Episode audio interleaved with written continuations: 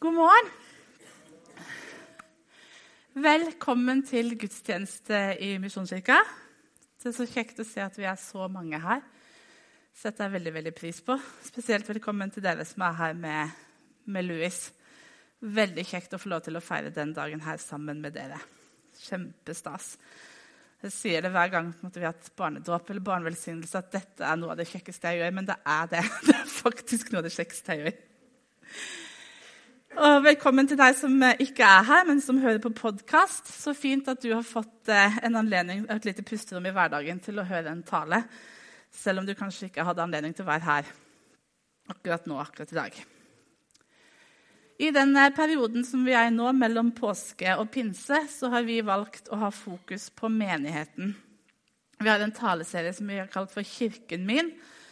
Og da vi har snakket om hva det er å være en del av en menighet. Og vi har snakket om hva Jesus sier om menigheten. Jeg tror jeg har lest eller sitert hver eneste gang fra Matteus 16, der Jesus sier at det er han som bygger kirken, og dødsrikets porter skal ikke få makt over den. Eh, og Det er så viktig å få fram, fordi at vi som enkeltmennesker og vi som menighet vi kan ha veldig mange tanker om hvordan vi skal være sammen som menighet. Mange gode tanker om hvordan vi skal en måte, drive en menighet. Men det som er og de, alle de gode ideene skal vi selvfølgelig ta vare på. Men mye mye viktigere enn det er jo faktisk hva Jesus sier om kirken. For det er hans kirke, det er hans menighet. Og det er han som har lovt at han skal bygge den, og det har han invitert oss til å være med på. Og I dag så har vi lest, eller Helene har lest for oss fra Johannes kapittel 15. Og Det står mye i Bibelen eh, om menigheten, og vi har lest tidligere en del fra apostlenes gjerninger der det står om hvordan den første kirken var, hvordan de første kristne gjorde det, og hva de opplevde. Eh, og Det kan vi lære veldig mye av, hvordan de på en måte organiserte sitt fellesskap. Men så sier Bibelen òg flere ganger så beskriver den menigheten i bilder. F.eks. at menigheten er Kristi kropp, eller sånn som her, der eh, menigheten er et vintre. Og dette bildet med vintreet det er viktig gjennom hele Bibelen. Både i Det gamle testamentet så snakker man om vintreet som Israel. Og i Det nye testamentet så både Jesus snakker om at han er vintreet, som i denne teksten. Og Paulus snakker òg om menigheten som vintre. Så det er på en måte et viktig bilde som kan si veldig mye sant om oss som menighet. Jeg liker best sånne sakslister og sånn. Det er ikke de her bildene, men sånn er det. Eh, og når vi tenker på vintreet og greinene, når Jesus sier at 'jeg er vintreet, og dere er greinene', så umiddelbart så får jeg et bilde i hodet av et sånn stort, flott løvtre. Gjerne sånn det ene treet på en sånn stor afrikansk savanne med en sånn svær krone som, med greinene som henger på en måte høyt, høyt over bakken og fast på denne store, solide stammen. Og Når det gjelder dette bildet med, med Jesus som vintre og oss som greinene, så, så, er det mye sant i det bildet. At Jesus er den som holder oss oppe, at Jesus er stammen der vi får liv og kraft ifra, at det er han som bærer oss. Og så er det òg sant at vintreet er egentlig en busk. Det har ingen klar stamme. Og Det er så interessant for oss som menighet eh, nå når vi snakker om kirken min, og det er på en måte et tema. Det at Gud har valgt å la seg representere på jorda av oss, og en av oss som er kristne, som er poda inn på dette vintreet. Vi som er greinene, det er vi som er det treet, det vintreet som vises for de menneskene som er på utsiden.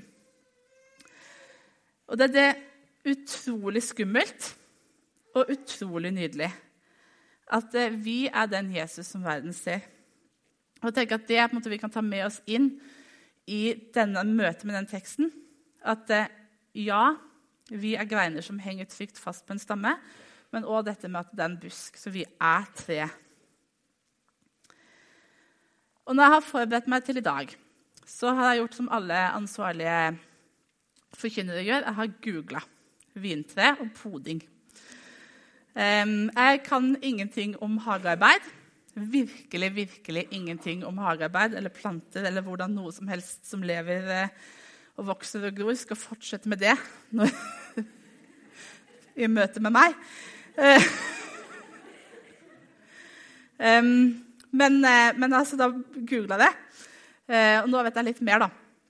Og det som jeg la merke til, og dette har jeg jo egentlig visst om poding før, da, det er at når du skal pode en grein og Det er helt utrolig, men du kan ta nesten hvilken som helst grein fra tre og pode inn på et annet tre, sånn at det vokser fast på det nye treet.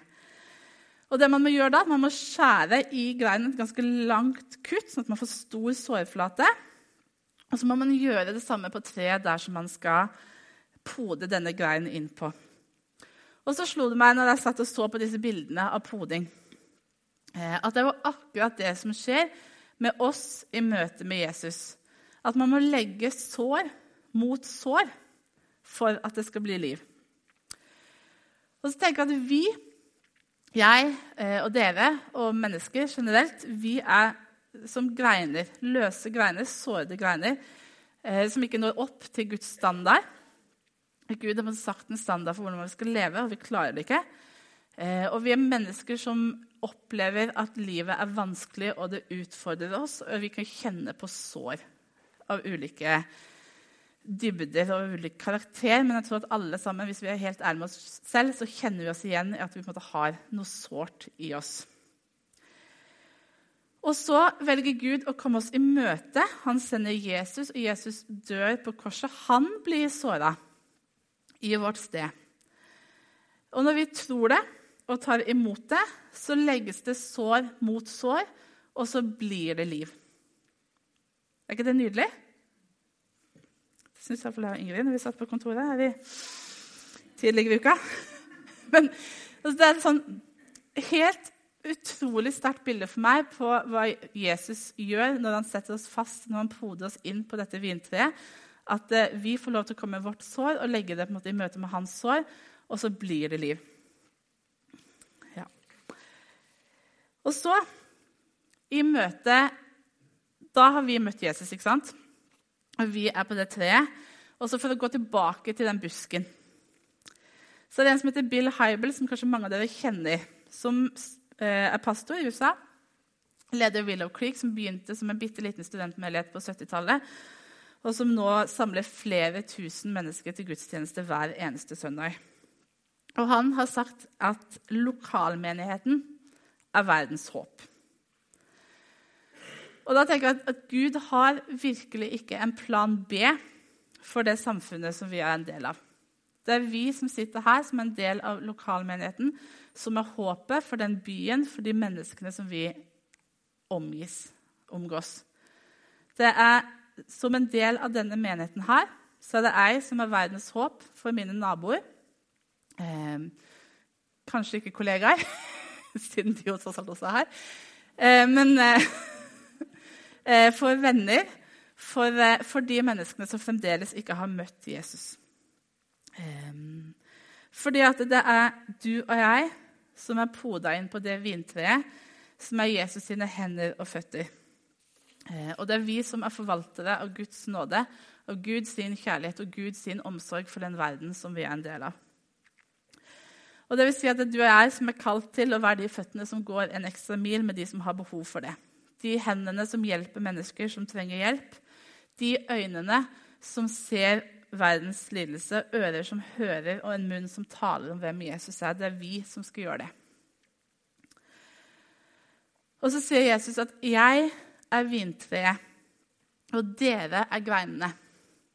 Så du er regna med uansett. Uansett om du føler at dette er en oppgave som du er klar for, uansett om dette er en, en oppgave som er forbi ditt Eh, din komfortsone. Uansett om du føler at dette går greit, uansett du, eh, hvem du er, uansett hva du har gjort som du tenker kanskje kan diskvalifisere deg for det her, uansett hvordan du føler deg.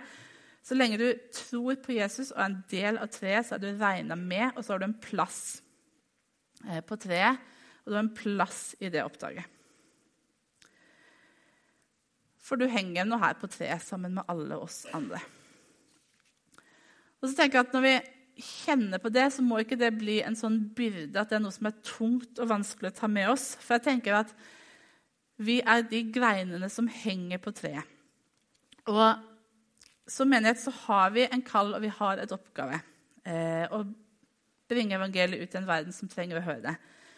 Å gå ut og gjøre alle folkeslag til disipler, som vi leste før vi døpte Louis. Og døpe dem og lære dem. Og det er viktig. Eh, misjon er viktig, evangelisering er viktig, å fortelle naboen din om Jesus er viktig.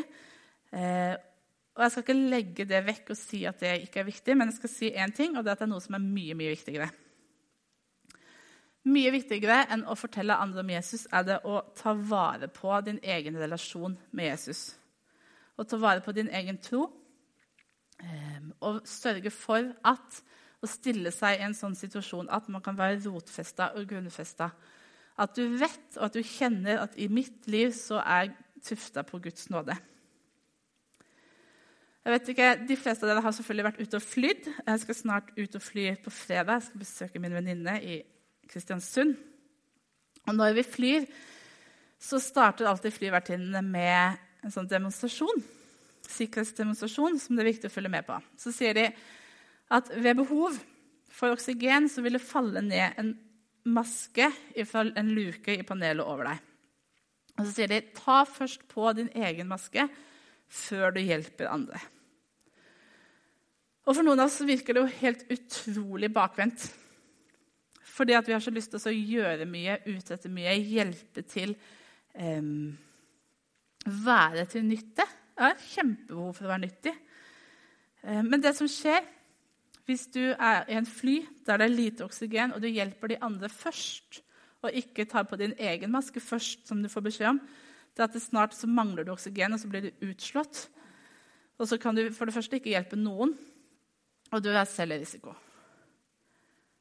Og Det samme gjelder eh, troa vår eh, og vår relasjon med Jesus. Vi kan ikke bare gi og gi og gi uten å være påkobla, sånn at vi får ny næring og ny kraft. En grein som henger fast på treet, den får næring ifra rota. Den greier seg. Mens med grein som ikke henger fast, den visner og dør.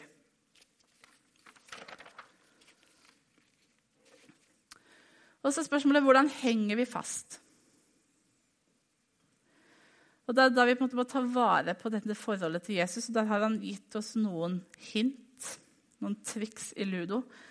I Apostelens gjerninger står det et bibelord som er veldig kjent, som vi kaller ofte for de fire b-er. Når Lukas, skal, som har skrevet Apostelens gjerninger, skal beskrive de første kristne, så sier han at de holdt seg trofast til apostelens lære og fellesskapet til brødsbrytelsen og bønnene.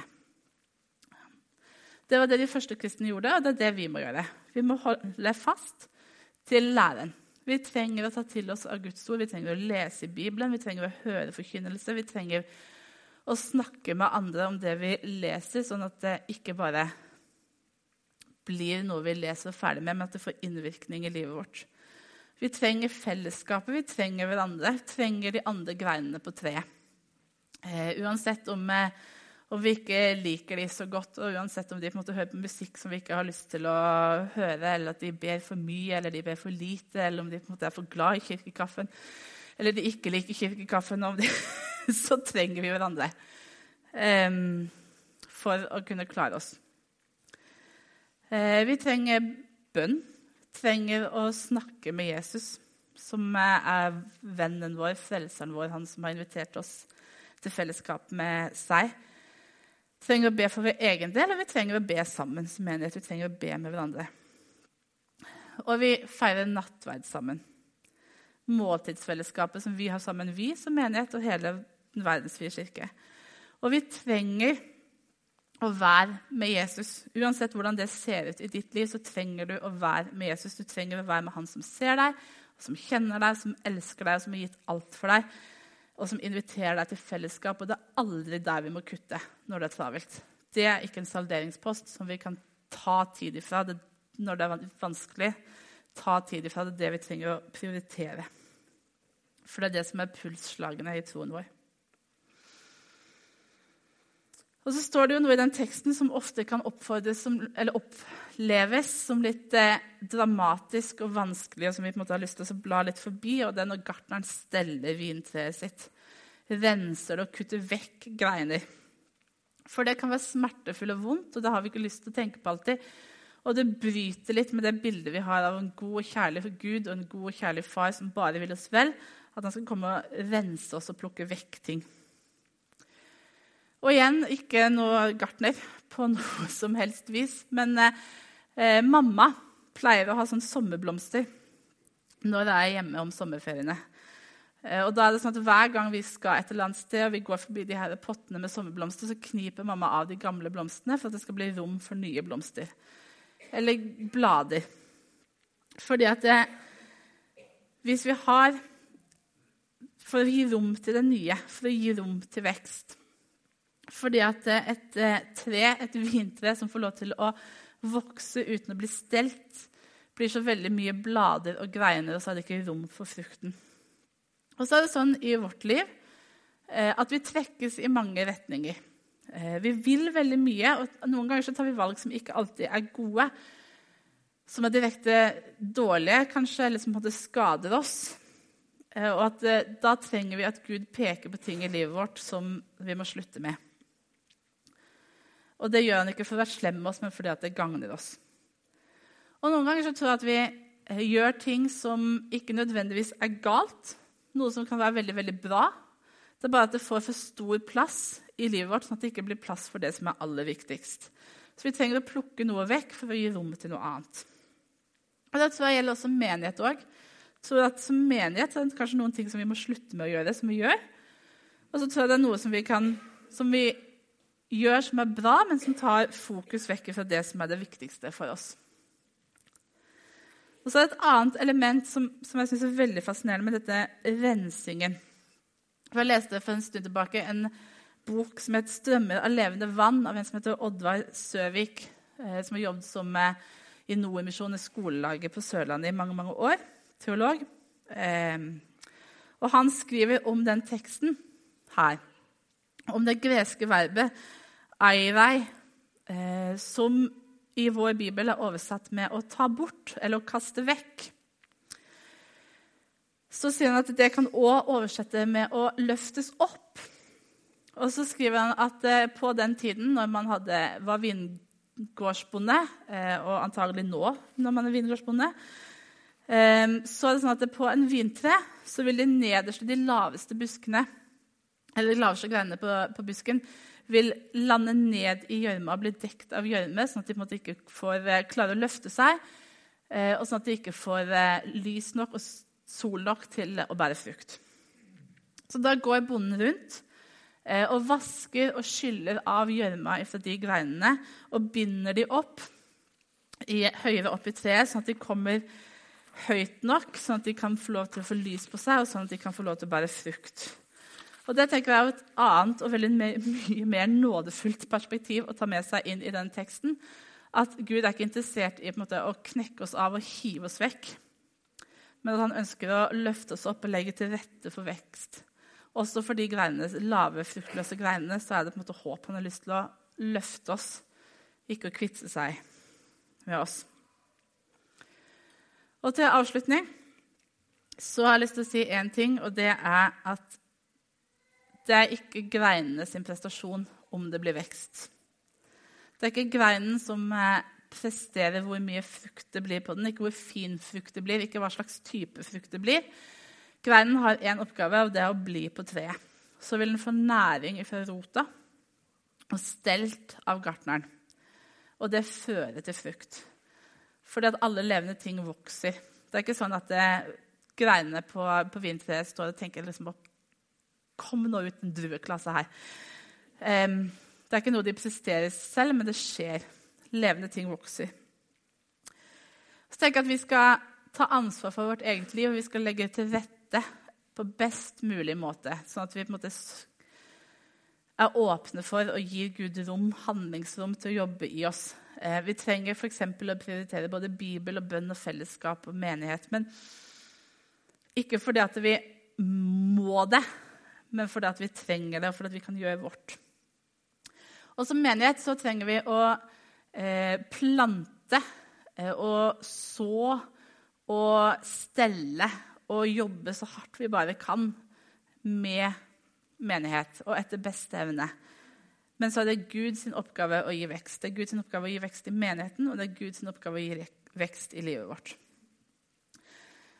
Fordi at Jesus sier i denne teksten at 'uten meg kan dere ingenting gjøre'. Um, og hvis vi ikke tar Jesus med, hvis det ikke er han som får lov til å være den som handler, så blir det ingenting, dette som vi holder på med. Sånn at Det er derfor det er så viktig å, å gi rom for Jesus, at han på måte, tar på vår egen maske, gi han rom, og så kommer veksten. Skal vi be. Kjære Jesus, jeg takker deg for eh, at du lærer oss noe om hvem vi er som mennesker, og hvem vi er som menighet. Jeg takker deg for at eh, du har satt oss inn på, på vintreet som greiner. Og at du har kobla oss på deg. Jeg takker deg for at det er du som gir oss eh, næring og kraft til å leve og til å vokse og til å utvikle oss takker deg for at eh, du er den som bygger din menighet. For at det er ditt ansvar. Takk for at vi skal få lov til å ta ansvar for det vi kan, og gi rom for deg, men at det er du som skal være den som handler. Jesus, jeg ber om at du skal hjelpe oss til å, til å vente på deg, til å se hva du gjør, til å lytte etter deg. Til å vente på at vi får kraft fra deg. Ikke gå på egen hånd og gjøre mye som ikke som ikke du er med i, og som ikke fører fram, men at vi har tid til å vente på, på hvor du er, og hva du gjør. Amen.